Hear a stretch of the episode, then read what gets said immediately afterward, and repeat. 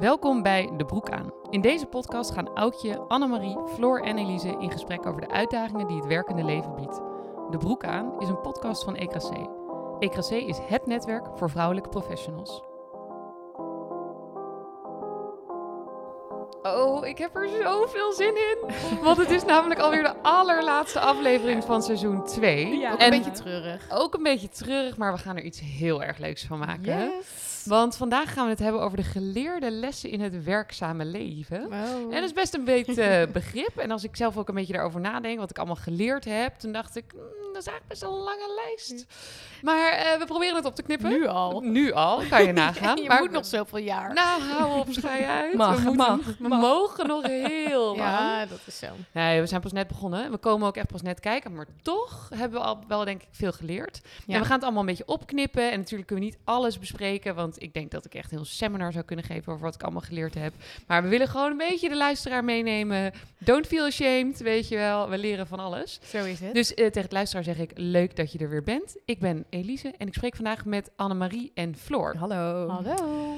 Fijn dat jullie er zijn. Dank je. Ehm, voordat we echt de inhoud induiken, gaan we het eerst hebben over onze rubriek. En dat is namelijk eh, de powervrouw van het moment van jullie.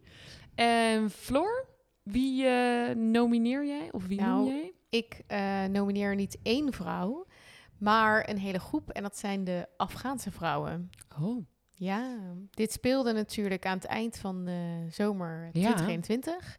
Maar eh, ja, is gewoon iets wat me helemaal niet loslaat. Wat maar Floor, is trouwens, natuurlijk- ik- dit wilde ik ook. Oh, dat is echt heel toevallig. Ja. Maar, Maar goed, vertel, ja, vertel. Dan ga ik daarna waarom ik. Ja, nee, dat, is- dat nou ja, en, en nog meer terecht natuurlijk Ja. ook dat we ze noemen. Eh, het is natuurlijk onwijs veel gebeurd in dat land, in Afghanistan. Taliban is daar weer aan de macht gekomen en het regende toen al verhalen van vrouwen die hun wereld eh, zagen instorten. En die verhalen die, ja, die hoor je eigenlijk nog steeds. Ehm, dus ja, en ik, ehm, ik denk eigenlijk dat wij ons echt niet kunnen voorstellen wat die vrouwen doormaken. Ja. Ehm, ik ik eh, kan me een verhaal herinneren van een jonge vrouw die vlak voor haar afstuderen stond. En die ja, op het moment dat Kabul viel, in dit geval, ehm, haar papieren en al haar diploma's heeft verbrand. En Ja. zich heeft gerealiseerd dat ze haar graad nooit gaat halen. Eh, ja, alles waar je dan zo hard voor hebt gewerkt, zie je dan in duigen vallen. Nou ja, ik krijg er echt kippenvel nou, van. ik eh, krijg er oprecht kippenvel van Ja. jij dit omschrijft. Omdat ik denk, ze staat aan het begin van haar leven.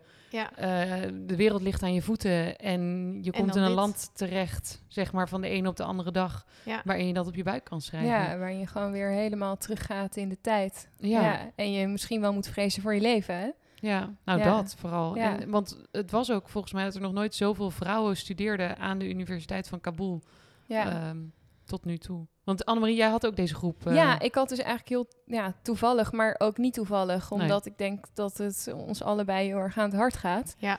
Ehm, eh, deze groep vrouwen eh, ja, genomineerd. Precies om dezelfde reden als jij, Floor.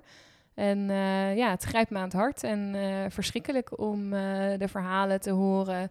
Inderdaad, over hoe bang je dan nu moet zijn. Hoe als je, dus op een gegeven moment, er is een Amerikaanse universiteit ook in Kabul. Ja, als je daaraan hebt gestudeerd of Ja. je studeert daaraan ja. ja, wat, voor le- wat, wat staat je dan te wachten? Hè? En, en die, die onzekerheid en die angst, dat lijkt me echt... Het is echt rampzalig. Ik vind het eh, ja, een ramp.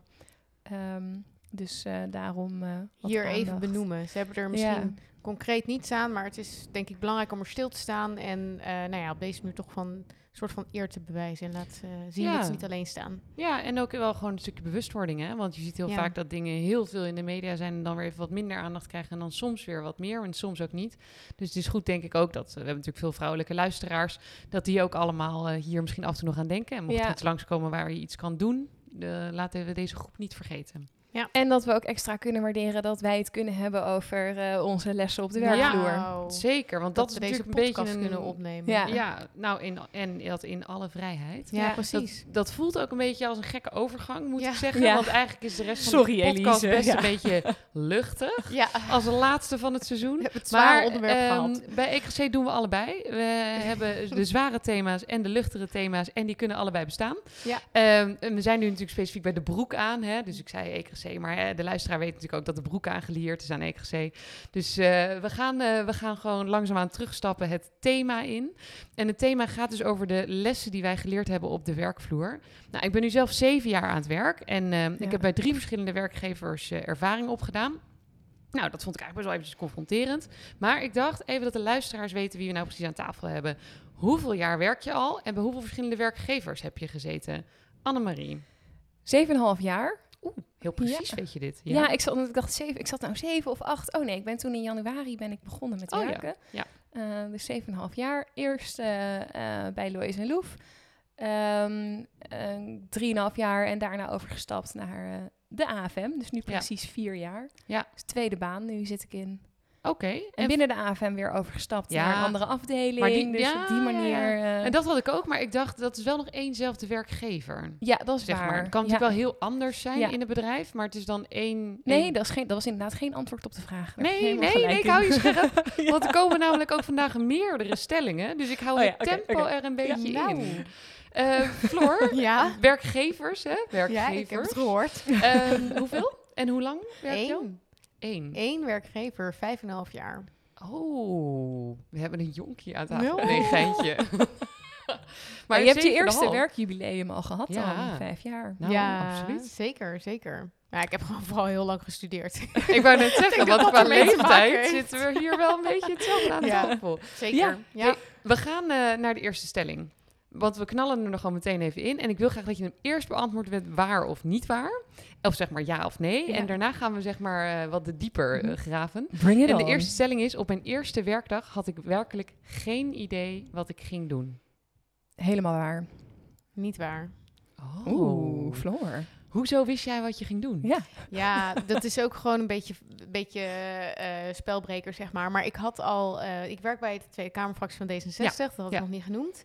Eh, maar ik had daar al een keertje stage gelopen. Oh, ja. Ehm, ja. Dus ja, ik kende de organisatie al. Ik moet wel zeggen, dat was bij een andere fractie. Of er waren Ja. tussentijds eh, waren er Tweede Kamerverkiezingen geweest. Dus, en er zaten ook wel heel veel andere mensen. Maar ook nog wel heel veel mensen die ik wel kende. Mijn leidinggevende. Oh, bij een die, andere ehm, fractie binnen, niet een andere fractie als in bij een andere politieke Nee, partij. andere fractie van Ja. D66, ja, andere mensen. ik snap het. Ja, Ja, ja. ik dacht ja. even, huh, wat eh, mis ik Ja. hier? Ja, ik snap het. Nee, er waren Eerst even lekker bij de PvdA gezeten en bij GroenLinks. En, Mijn, com- mijn coming out.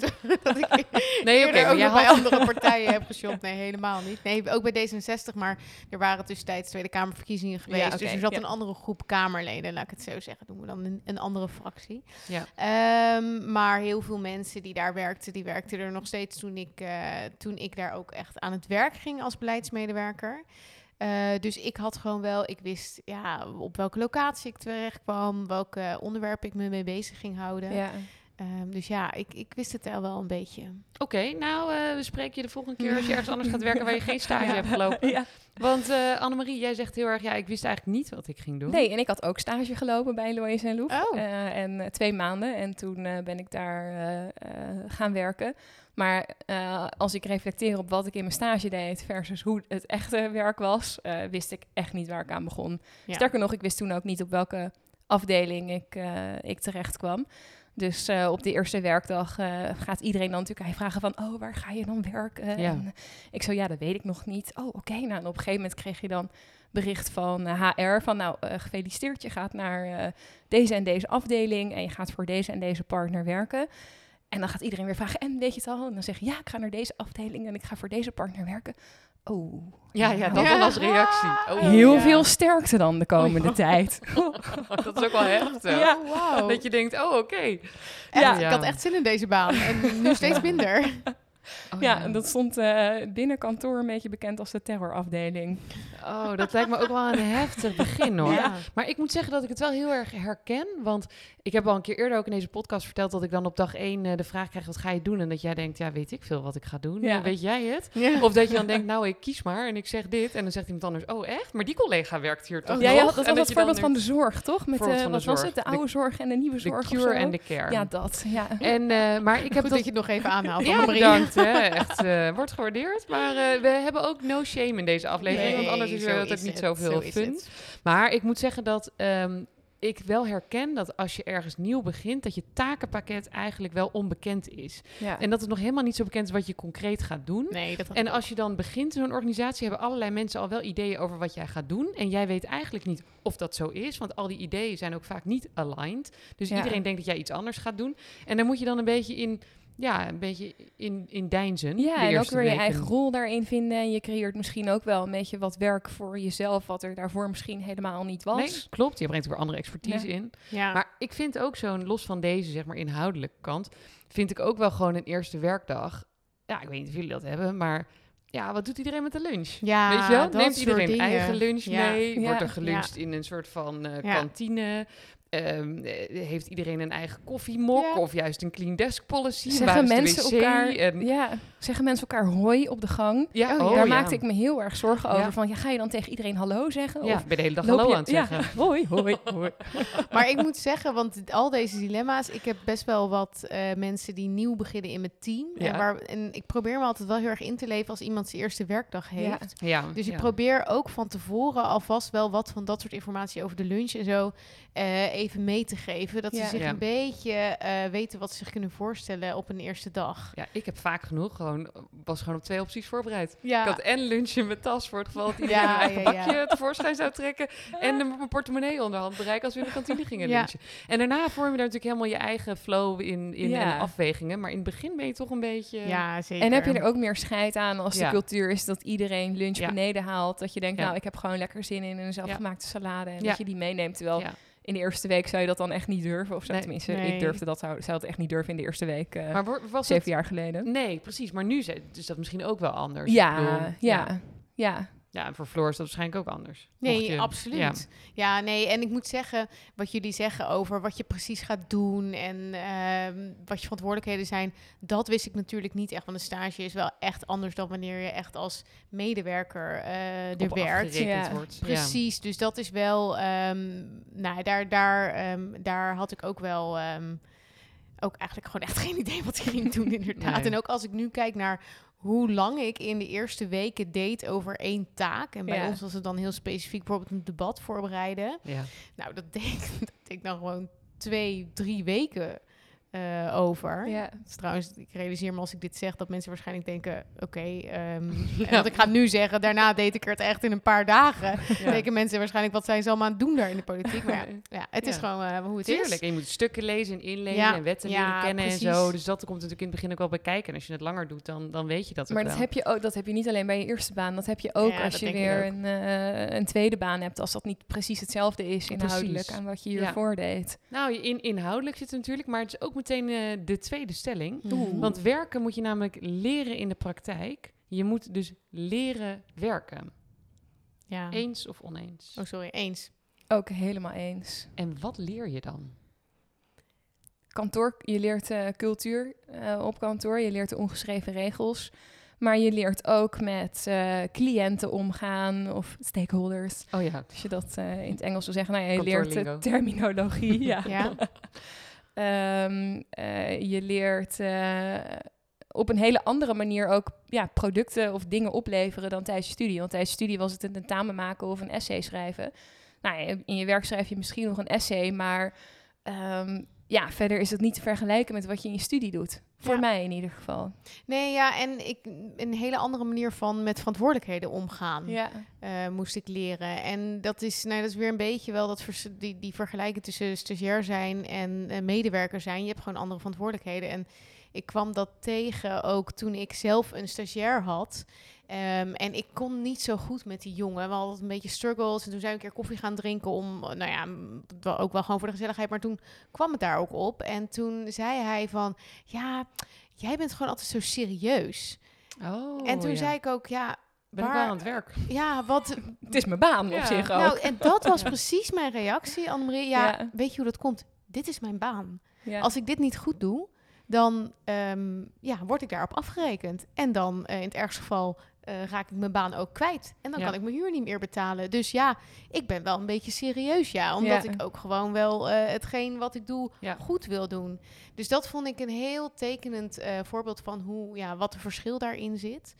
Eh, maar daarnaast met leren werken, wat ik echt heel erg heb moeten leren, is ook wel grenzen aangeven. Ja. dus Oh ja, zelf ja. heel erg regie houden Ja. over wat je doet, en wat je ook niet doet. Ik heb dat aan het begin, ben, heb ik daar echt wel, ehm, ben ik mezelf tegengekomen. Ik kom mezelf daar nog steeds wel eens heel erg eh, in tegen. Ehm, maar je bent, ehm, ja, dat, je, dat jij bent degene die gaat over wat je doet. En ik was er ook altijd wel heel erg druk mee wat anderen daarvan zouden vinden. Of die dan ook heel erg met, mee bezig zouden zijn. Hoeveel uren ik zou maken of zo. Nou ja, daarvan heb ik ook wel geleerd. Ja, iedereen is vooral met zichzelf bezig. En ehm, ja, je hoeft niet eh, avonden door te werken omdat je denkt dat dat goed is. Ja. Tenminste in mijn organisatie. Eh, maar dan moet je zelf echt de regie in houden. Dat heb ik Ja. ook wel echt moeten leren. Ja, grappig. Ik had het ook inderdaad wel als een van de lessen. Dat van hoe je je tijd indeelt, zeg maar. En Ja. leeft je agenda jou of bepaal jij je eigen agenda? En ik denk inderdaad ook wel... Ik heb denk ik ook nog wel geleerd dat je geen one-size-fits-all eh, benadering kan nemen op collega's. Want dat heb ik ook wel eens geprobeerd. Zo van, ik ben aan het werk, dus eh, social talk kan eh, buiten eh, Ja. werktijden. En kan bij de borrel. Maar dan moet je hem onder werktijd eigenlijk niet verstoren. En ik moet zeggen dat ik daar nog steeds wel een lichte voorkeur voor heb. Maar sommige collega's vinden het heel belangrijk dat je wel eerst eventjes zeg maar, met ze praat en informeert. En dat je eerst eventjes de context weet hoe het met iemand gaat. Ja, heb dat ik ook- van hoe was je weekend? Ja, Of, dat heb ik ook eh, echt wel geleerd. gedaan. Ja. Ja. dat dat ook echt wel hoort bij zeg maar leren, leren werken. Maar als jij dan dus op maandagochtend op kantoor binnen wandelt, ja, voor zover we nu op kantoor binnen dat wandelen, maar even een beetje eh, anders, als je dat zou doen, dan, eh, dan is het dus niet eerst even een koffietje halen en even bijkletsen met hoe het gaat, maar gewoon bam, meteen Oh nee, ik eh, ben de dan inhoud in. helemaal ready to go. Oh, ja, ja. ik, Ik wil dan ook gewoon school. meteen vlammen. Ja, en ook. Meteen dat ik zeg maar bij de lunch op maandag denk, bam, lekker gestart. Oh ja. Ja. En als het dan begint met een koffietje, dan denk ik, ja, hou, hou op, schei uit. Weet je wel. eh. Ja. Ja, dus maar ik vind het ook wel heel gezellig om collega's te zien en te spreken. En nu we ook weer een beetje naar kantoor gaan, zeg maar, wa- waardeer ik dat ook heel erg. Maar ik denk dan wel gewoon, hey, hoi, spreek je tijdens de lunch. Ja, Oh, ik heb ja. precies hetzelfde. Ik heb ook omdat ik inderdaad, als ik dan op kantoor aankom, dan heb ik ook onderweg alweer duizend dingen bedacht die ik moet doen. Dus dan heb ik ook meestal iets van, nou, ik wil aan de slag, want eh, ik heb nog een hele lijst om, om, om te doen en ik ben er helemaal klaar voor. Ik ben ook het meest productief in de ochtend, dus Ja. dan wil ik gewoon eh, aan het werk. Ja, maar ik heb dus ja. wel geleerd, want ik heb dus ooit een keer in een afscheidsspeech, zeg maar, die iemand over mij hield, werd er ook gezegd en gegrapt, doch serieus, zo van, ja, je moet Elise tijdens werk eh, niet vragen van, hé, hey, hoe was je weekend? Want dan krijg je toch een blik van haar. Oh, Moet je tijdens de borrel doen, vindt ze het hartstikke leuk, hoor je alles over dat weekend. En toen dacht ik, oh, het is wel ook even een learning Ja. van, hé, hey, wacht even, niet iedereen vindt dat. ehm, Ja, want ik vind het Hmm. juist altijd heel fijn en ook wel belangrijk om eerst even gewoon ja, in te checken bij Ja. collega's. En Oh, juist ja. even dat informele momentje te hebben gehad en op die manier aan de relatie te werken. ja, Ja, voordat je meteen eh, de inhoud induikt. Ja. snap Ik ik. Oh, ja, Mag ik nee. nog een learning Ja, geven? nee, Ja, ik- zeker. Ik zat er nog even over na te denken, want het ging even over collega's. En ik heb ook wel echt eh, geleerd, of wat je, wat je ook moet leren, denk ik, is dat je collega's kies je niet uit. Dus Nee. je moet heel erg leren, ehm, ehm, ja, Met heel veel omgaan. verschillende mensen ja, omgaan. omgaan met Ja. mensen. Ja. En dus ook een beetje keuzes maken in waar vind ik wat van? Waar ga ik wat over zeggen? Wat vind ik echt niet oké? En ga ik bijvoorbeeld een confrontatie of iets dergelijks over aan? En waarvan denk ik, nou, deze laat ik even gaan, want deze persoon ga ik hier toch niet in veranderen. Nee, dat ben ik ook helemaal met je eens. En dat, hoor, dat kan ik ook echt wel zeggen dat je dat leert tijdens het werken. En daar kan je je niet op voorbereiden. Nee. Ik moet ook zeggen dat toen ik switchte van een hele Nederlandstalige organisatie naar een internationale organisatie, Ja. dat er ook echt een heel groot verschil tussen is. Ook in wat je dan zegt als je het niet met iemand eens Ja. bent. Of als een Brit iets tegen jou zegt wat hij dan eigenlijk bedoelt, maar wat hij niet zegt. Oh, that dat sounds je very interesting. Ja. Dan is het, Mm. hoe durf je dit in hemelsnaam hier op te brengen? Ja, en dat zijn ook allemaal dingen die, de- dus die stelling van je leert pas werken, zeg maar, als je echt Ja. werkt, dat, Ja. daar herken ik me wel heel erg in. Ja. Ja. Hey, oké, even een, een, een, een quick check eh, tussendoor. Als je moet kiezen, wat is dan de belangrijkste les in het werkende leven? Eén, dat het werk nooit af is. Of twee, dat werk eigenlijk steeds minder belangrijk wordt, naarmate je het langer doet. Nou, ik vind, ik vind het ehm, Je moet ik vind het kiezen. allebei, ja, maar ik vind het allebei een les. ja. Maar jij vraagt de belangrijkste les. ja. En dan kies ik wel. Nee, dat eh, komt later pas, wat de belangrijkste les is. Nee, dat was je vraag. De Nee, belangrijkste... je mag les nu in het werkende leven. Het is nu een meer keuzevraag. Ja, Want de belangrijkste les is namelijk helemaal aan het eind van de aflevering. nee, maar dat snap ik. Maar als ik van deze twee kijk, Oh, ik vind het oké. allebei een les. En welke vind ik nou belangrijker Oh, dan ja, de andere? Van die twee, alleen die twee. Nee, dat, we, dat de Ja, luisteraar nee, ook dat- nog volgt dat dit een meer keuzeoptie was. Nee. En dat als je dus blijft luisteren, dat er straks dan mogelijk een andere les ja, komt. nee, zeker, zeker, zeker. Oh. Oké, nou, ik zal, ik, ik zal me houden aan het script. Ik ga voor optie 2. Het wordt minder belangrijk naarmate je het langer doet. Yes. Ik ga straks om toelichting vragen. Ja, helemaal goed. Annemarie? Ja, dan ga ik... voor- Nee, ja, ik ga ook voor optie 2. Ja. Wordt minder Ja. belangrijk. Maar Ja. dat is wel even belangrijk om bij stil te staan. Want ja, dacht, maak een woordgrapje. Maar ehm, omdat als je natuurlijk begint met werken, dan lijkt dat natuurlijk het allerbelangrijkste wat er is. En Ja. eigenlijk zeggen jullie, naarmate je het wat langer doet, kunnen jullie daar iets over toelichten? Ja, sterker nog, ik had eh, is een, een anekdote van een, van een vriendin van mij. Ik, ik kan mezelf niet meer herinneren dat ik dit heb gezegd. Want het was op haar afstudeerborrel. Toen wist ik net dat ik bij Loyens ging werken. Of ik was daar net begonnen. En ik wist dus ook net dat ik naar die ene afdeling ging... waar Oh je ja. echt nou, terrortijden draait en zo. En toen zei ik ook tegen haar... Nou, dit was de laatste keer dat we elkaar hebben gesproken. Ik zie je over drieënhalf jaar weer. Oh ja, Als, ja. die, als die periode voorbij was. Ja, Ehm, en eh, eh, ja, ik heb gewoon a- vooral in dat, eer- in, die eerste, in dat eerste jaar heb ik gewoon alles opzij gezet voor, eh, voor werk. En op een gegeven moment ehm, eh, nou, zie je in dat dat niet, dat dat niet is eh, hoe ik in het leven wil staan. Eh, dat er ook hele andere belangrijke dingen zijn. Dat je werk toch nooit af is. Ja. Slaat een beetje Ja. op die eerste stelling. En dat er gewoon veel belangrijkere dingen zijn. Ja. En dat de verjaardag van je oma op een zondagmiddag veel belangrijker is dan een of andere cliënt die een shit memootje af wil hebben over Ja. weet ik veel wat. Ja, Herkenbaar, nee, ja, heel herkenbaar. Heel herkenbaar. Zeker ook in combinatie met het werk is toch nooit af. Dus je kan echt jezelf helemaal het schompers Ja. werken. Maar ja, dan is het nog steeds niet klaar. Nee. Eh, dus het hangt wel echt samen. En ik, ja, ik had ook wel echt in het begin, als ik nu ook kijk wat voor werktijden ik toen had. Ik wer werkte dan heel vaak, zat ik nog s'avonds op de fractie en dan was ik op zondag nog aan het werk. En ik moet erbij ook wel zeggen dat ik, eh, mijn ouders hebben eigenlijk ook bijna altijd fulltime gewerkt. En nou, zijn ook wel echt harde werkers, om het zo maar te zeggen. Die Ja. waren toch wel toen ik eh, jong was, eh waren ze s'avonds nog aan het werk. En zondag was ook gewoon thuis echt een werkdag wat dat betreft. Mijn moeder, ik heb het wel eens met mijn moeder gedeeld. Die zei ook echt van, jeetje, we hebben jullie echt Ja. helemaal verkeerd opgevoed. maar daardoor had ik wel het idee van, oké, Je nou ja, je werkt op zondag. Dus Ja. terwijl nu denk ik, ik werk op zondag. Nou ja, echt, ik wil het echt een uitzondering Je laten neemt zijn. nu een podcast op op zondag. Ja, en dat, dat, dat, is, dat vind ik minstens zo belangrijk Ja. om te doen. Ja, maar het is En- geen werk. Ja. Nee, en ik had dan toch ook wel vaak, zeker die avonden dat ik dan nog op de fractie zat. En dan, dan, dan gingen we met eh, wat collega's nog wel eten. Dat, dan was het gewoon heel gezellig. Maar dan zat je er s'avonds en dan zat je best wel alleen. En ondertussen ging iedereen naar huis. En dan dacht ik wel echt van, jeetje, ik voel me best wel eenzaam. En Ja. voor wie doe ik dit eigenlijk? Ja. Nee, maar was jij dan ik. ook echt de enige die dan op de fractie nog aan het werken Nee, was? ja, er zaten ook nog wel wat andere collega's. Maar soms dan liep ik, naar, we- liep ik naar huis. Of tenminste, toen ging ik weg en liep door de gang. En toen dacht ik, wow, ik ben echt de enige die hier nog zit. Oh, Oh, ja. my god. Ja. En dan...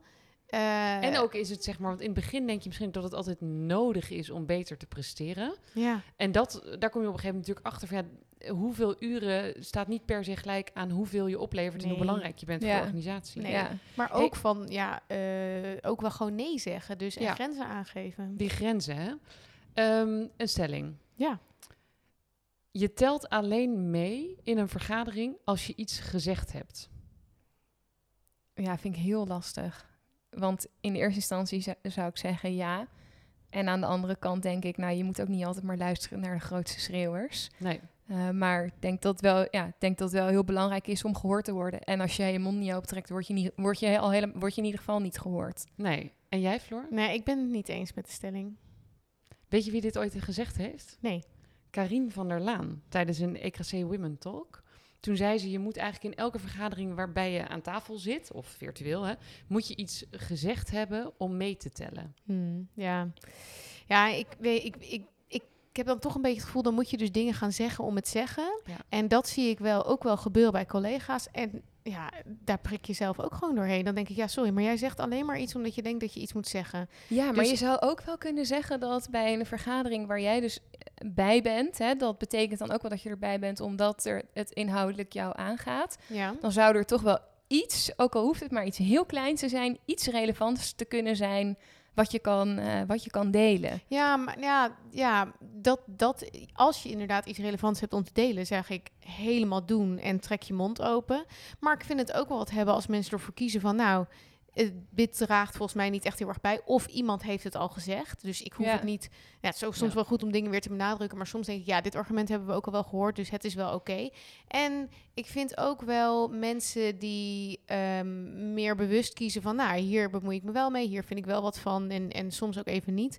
Ehm, ja, maakt het soms ook wel eh, interessant wat diegene dan te zeggen heeft, zeg maar. Als je Ja. iemand is die altijd wat zegt, dan denk ik, joh, heb je die weer? Ja, nee, ik snap dat helemaal. Ik ben het namelijk ook niet per se eens, omdat ik denk dat een les voor mij in het werkende leven is geweest dat je niet altijd iets hoeft te zeggen. Maar kies je momenten Ja. met zorg. Alleen, ehm, laatst zei een collega van mij, die kwam uit een vergadering en die zei van nou, eh, iemand anders zat er ook bij. En eh, die heeft helemaal niks gezegd. Dat kan echt geen nuttige besteding van zijn tijd zijn geweest. En toen had ik het met haar over. En toen zei ik, nou ja, maar misschien ook wel. Want heeft hij er nu voor gekozen om niks te zeggen? En toen dacht ik, ehm, dus dit is een, een, niet een eh, zwart-wit les, Ja, zeg maar. nee. Maar het is wel iets waarvan je je bewust moet zijn hoe je je opstelt in vergaderingen. Door wil je zeg maar op het juiste moment soort van de hamerslag geven. Of wil je iets zeggen om gezien te worden, zodat mensen weten dat je aan tafel zit. Ja. Want het Ja. is natuurlijk wel zo dat de hardste schreeuwers, zeg maar, of ja, als je iets zegt dat je gezien wordt. Maar het is een. eh, Nou, het is Ja. een balans vinden, hè? want je hebt inderdaad aan de ene kant, als jij altijd maar je waffel opentrekt, Ja. zonder dat je iets zinnigs te melden hebt, dan nemen mensen je niet meer serieus. En dan heb je aan de andere kant inderdaad die collega die heel, wei heel, ja, heel weinig eh, spreekt, maar als hij of zij dan iets te zeggen heeft, dat je meteen denkt, oh, interessant, eens Ja. even goed luisteren. Ja. Maar ik had ook wel op een gegeven moment een, een, een vrouwelijke collega en die zei gewoon zo weinig in, eh, eh, in bijeenkomsten dat, dat je dan toch ook ondergesneeuwd raakt. Ja. En dat je dan gewoon niet, ja, dan word je gewoon niet gezien. En dan word je ook niet, dan wordt ook niet meer, dan word je niet gevraagd. Nee. Want dan wordt toch ook wel de, de snelle assumptie is dan toch wel, ja, dan had je dus blijkbaar niks interessants te melden. Want anders zou je dat wel Had je hebben iets gedaan. gezegd? Ja. Ja, precies. Ja, maar ik denk het gaat ook wel om eh, op welke manier wend je je invloed aan. Dus het kan soms effectief zijn inderdaad om om bepaalde reden je echt in te mengen in een vergadering. Maar soms denk ik ook wel van, ik vind hier ook wat van, maar ik ga dat gewoon misschien later even één op één tegen die persoon zeggen of zo. Ja. Of dat ik er Het hoeft even niet ook- plenair in de vergadering. Nee, of dat Nee. je er later nog over na zit te denken na de vergadering van, oh, ik vind dit toch eigenlijk wel. Ja, dan loop ik gewoon naar die persoon toe en dan zeg ik het op die manier. Ja. Ehm, dus ja, het moet niet altijd daarvan afhangen, denk Ja. ik. Ik, ja, het zit ook gewoon in mijn irritatiezone, merk ik, als mensen dan dus niks zeggen. Oh, Of ja. af en toe ook in een... En dan heb je zo'n teamsessie of zo, nou ja, of, of een ander soort sessie.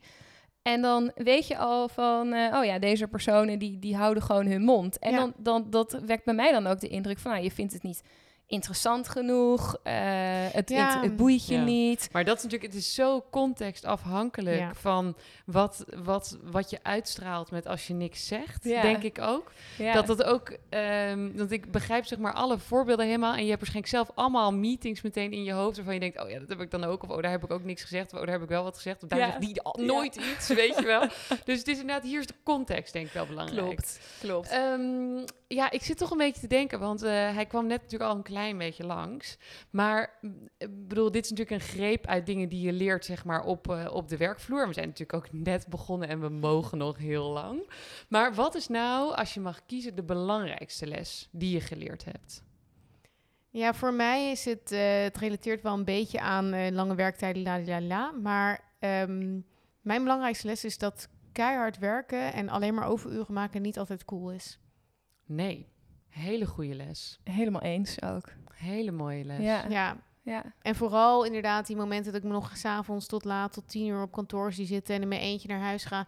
Jeetje, voor wie deed ik dat? Echt, Ja. ja. Ja. En toch het gevoel dat dat moest of zo, terwijl niemand ziet het. Ik heb alleen maar mezelf ermee. Ja, ik heb dus eigenlijk eh, het moest natuurlijk wel, want ik had gewoon werk, maar ik had gewoon te veel werk. Ja. Dus ik had gewoon eerder moeten zeggen, sorry, maar deze opdracht kan ik niet doen. Of dit Nee. debat kan ik niet doen, want eh, ik heb er geen tijd voor. Ja. Nee, dat Ja. is te veel. Ja. Dus ook dan een combinatie met grenzen stellen. Ja, absoluut. Dat Ja, leer je dat natuurlijk ja, wel heel erg enorm. op de En het is hartstikke moeilijk. Dus ik zeg dat nu wel heel makkelijk, maar wat ik net zei, ik heb er nog steeds moeite mee. En ik heb nog steeds wel eens momenten dat ik denk, ho, dit is Ja. echt niet oké hoe hard ik nu aan het werk ben. Ik had eerder grenzen moeten aangeven.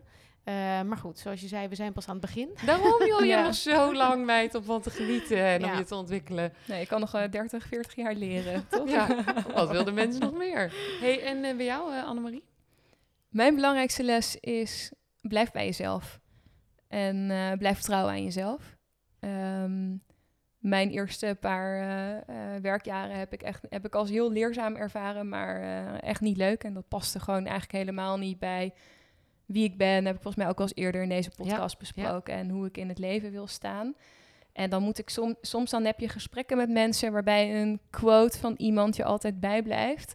En ik weet nog dat ik aan het solliciteren was. ehm, en bij Lois en Loef en bij een ander eh, advocatenkantoor. Ja. En bij dat andere kantoor ehm, was ik in de laatste ronde was ik het niet geworden. En dat vond ik toen heel erg. En de, de feedback die ik toen kreeg van, eh, van een vrouwelijke partner was... die zei, ik denk niet dat jij gelukkig gaat worden eh, Oh. eh, bij, eh, bij een kantoor als de onze. Ga stage lopen bij de VN. Ja, Oh, joh. En toen dacht ik, ja, Dat ga ik echt niet doen. nee, Nee, ik wil naar de eh, Zuidas. eh, maar dat is een ja. zin, denk ik, ja, zij heeft gelijk gehad. Zij heeft Ja. echt gelijk gehad en dit was het gewoon niet voor mij. En eh, ja, ehm, en ik heb die, die, die paar jaar afgemaakt. Maar als ik daar nu op terugkijk, had ik misschien wel moeten zeggen... joh, na een paar maanden, dit, eh, wat ben ik Ja. in godsnaam aan het doen? En Ja. ik neem ontslag en eh, ik ga stage lopen bij de VN. Ja. Ja, ja, ja. Oh, maar zo mooi, hè? Dat, ik, dat, dat is eigenlijk misschien ook wel een les op de werkvloer. Soms zeggen mensen wel iets tegen je waar je wel voor open moet staan. Ja, Ja. Om eigenlijk te horen wat iemand Ja. tegen je zegt of wat iemand Ja. je probeert te vertellen. dat was een hele mooie spiegel eigenlijk. Ja, Ja. ja en dat is natuurlijk, je eerste reflex is dan meteen in de weerstand. Van, ja, maar nou je- helemaal niet. Nee, Ja. precies. En dat je pas als je er zelf uit bent gestapt, dat je ineens denkt van... Ja. Hmm, Ja. die persoon had misschien toch wel gelijk. ja. Oh, ik vind het twee hele mooie lessen. Ehm, En wat is jouw les? Ja, Ja, ik ik wil zeggen, meer heb jij nog een les, nou, ik had Elise? één wat serieuzere noot. En dat is namelijk durf fouten te maken, want het maakt je beter. Ja, En mooi. je gaat natuurlijk werken en denk je, ik mag vooral geen fouten maken. Nee. En ik ben er echt van overtuigd dat je beter fouten kan maken, omdat je daar veel meer van leert. Mhm. Ja. En ik had één beetje meer luchtig. En dat is zo van, ja, les is, voor mij is ook al geest dat iedereen maar wat doet. Ja. Dus je ja. gaat werken en ja. je denkt, iedereen weet precies wat hij moet Ja. doen. En nu denk ik echt, iedereen doet maar Ja. wat. Ja. En dat vind ik af en toe wel relativerend, Ja. om Ja, zo na te denken. Dus ja, ik dacht, eh, on that note, hè. Mooi. ja, gaan we doen allemaal gewoon- maar wat. We doen allemaal maar wat. Gaan we gewoon het tweede seizoen van De Broek aan afsluiten. Ja. En nodigen we jullie natuurlijk uit om, eh, als je nog niet alle afleveringen geluisterd hebt, om die er eens bij te pakken. Om eh, ons te tippen aan een vriend of aan een vriendin. En om ons natuurlijk te blijven volgen. Maar voor nu denk ik een heel groot dankjewel voor het luisteren van het tweede seizoen van De Broek aan. Je luisterde naar De Broek aan, een podcast van EKC. EKC is het netwerk voor vrouwelijke professionals. Wil jij hier meer over weten? Volg ons via LinkedIn, Instagram of onze website. En vergeet je niet te abonneren op deze podcast. Reageren mag altijd, dat vinden we heel leuk.